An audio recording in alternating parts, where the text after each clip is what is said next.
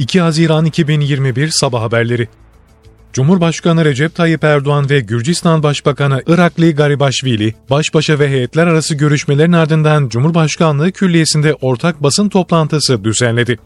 Cumhurbaşkanı Erdoğan, Başbakan Garibaşvili ile bölgesel meseleler hakkında fikir teatisinde bulunduklarını belirterek, yapılan görüşmelerin Türkiye ve Gürcistan için hayırlara vesile olmasını diledi. İki ülke arasında Tiflis-Erzurum, Bakü-Tiflis-Kars ve Bakü-Tiflis-Ceyhan gibi ortak projeler olduğuna vurgu yapan Garibaşvili, bugünkü görüşmenin çok verimli geçtiğini ve iki ülkenin gündeminde yer alan güncel konuları ele aldığımızı söylemek isterim ifadelerini kullandı.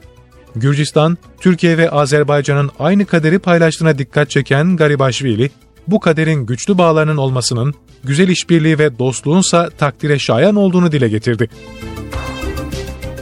İnsan Hakları Eylem Planı kapsamında 4. yargı paketinde yapılacak düzenlemeler ilişkin ikinci değerlendirme toplantısı yapıldı.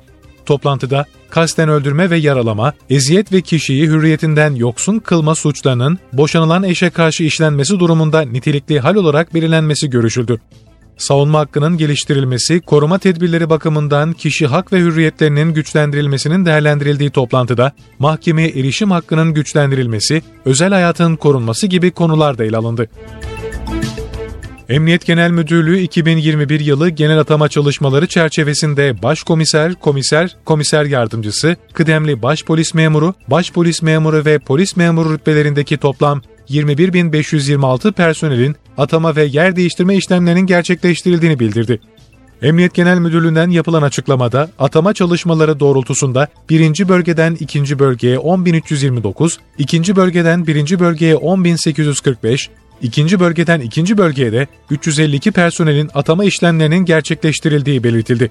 Açıklamada ayrıca birinci bölgede 30.915, ikinci bölgedeki 6.284 olmak üzere 37.199 personelin ise ikba yani yer değiştirme taleplerinin kabul edildiği açıklandı.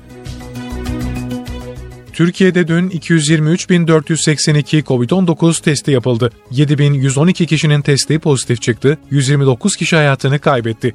Ağır hasta sayısı 1241 oldu, 9457 kişinin COVID-19 tedavisinin sona ermesiyle iyileşenlerin sayısı 5 milyon 124 bin 81'e yükseldi. Toplamda test sayısı 54 milyon 362 bin 791'e ulaştı, vaka sayısı 5 milyon 256 bin 516, vefat sayısı 47 bin 656 oldu. Sağlık Bakanı Fahrettin Koca illere göre 22-28 Mayıs'ta her 100 bin kişide görülen COVID-19 vaka sayılarını açıkladı. Bakan Koca'nın paylaştığı Türkiye haritası üzerinden yayınlanan verilere göre haftalık COVID-19 vaka sayısı her 100 bin kişide İstanbul'da 89.97, Ankara'da 115.71, İzmir'de 47.74 oldu. Haftalık verilere göre 100 bin kişide en çok COVID-19 vakası görülen iller Gümüşhane, Bilecik, Kars, Ankara ve Kütahya oldu. Her 100 bin kişide en az COVID-19 vakası Hatay, Adana, Osmaniye, Aydın ve Mersin'de görüldü. Dünya Sağlık Örgütü Çinli Sinovac aşısına acil kullanım onayı verdi.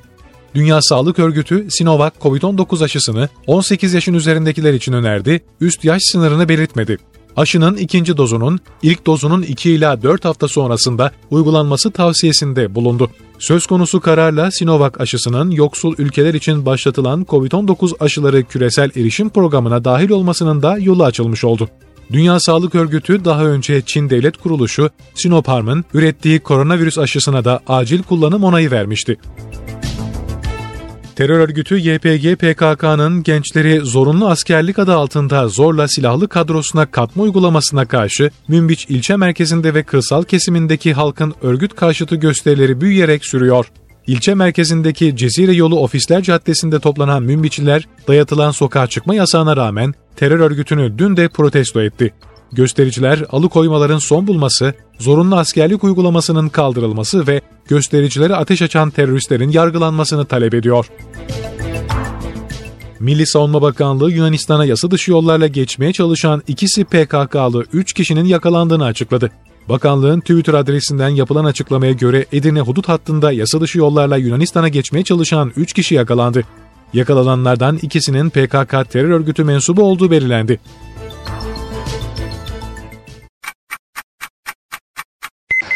...2 Haziran 2021 Sabah Haberleri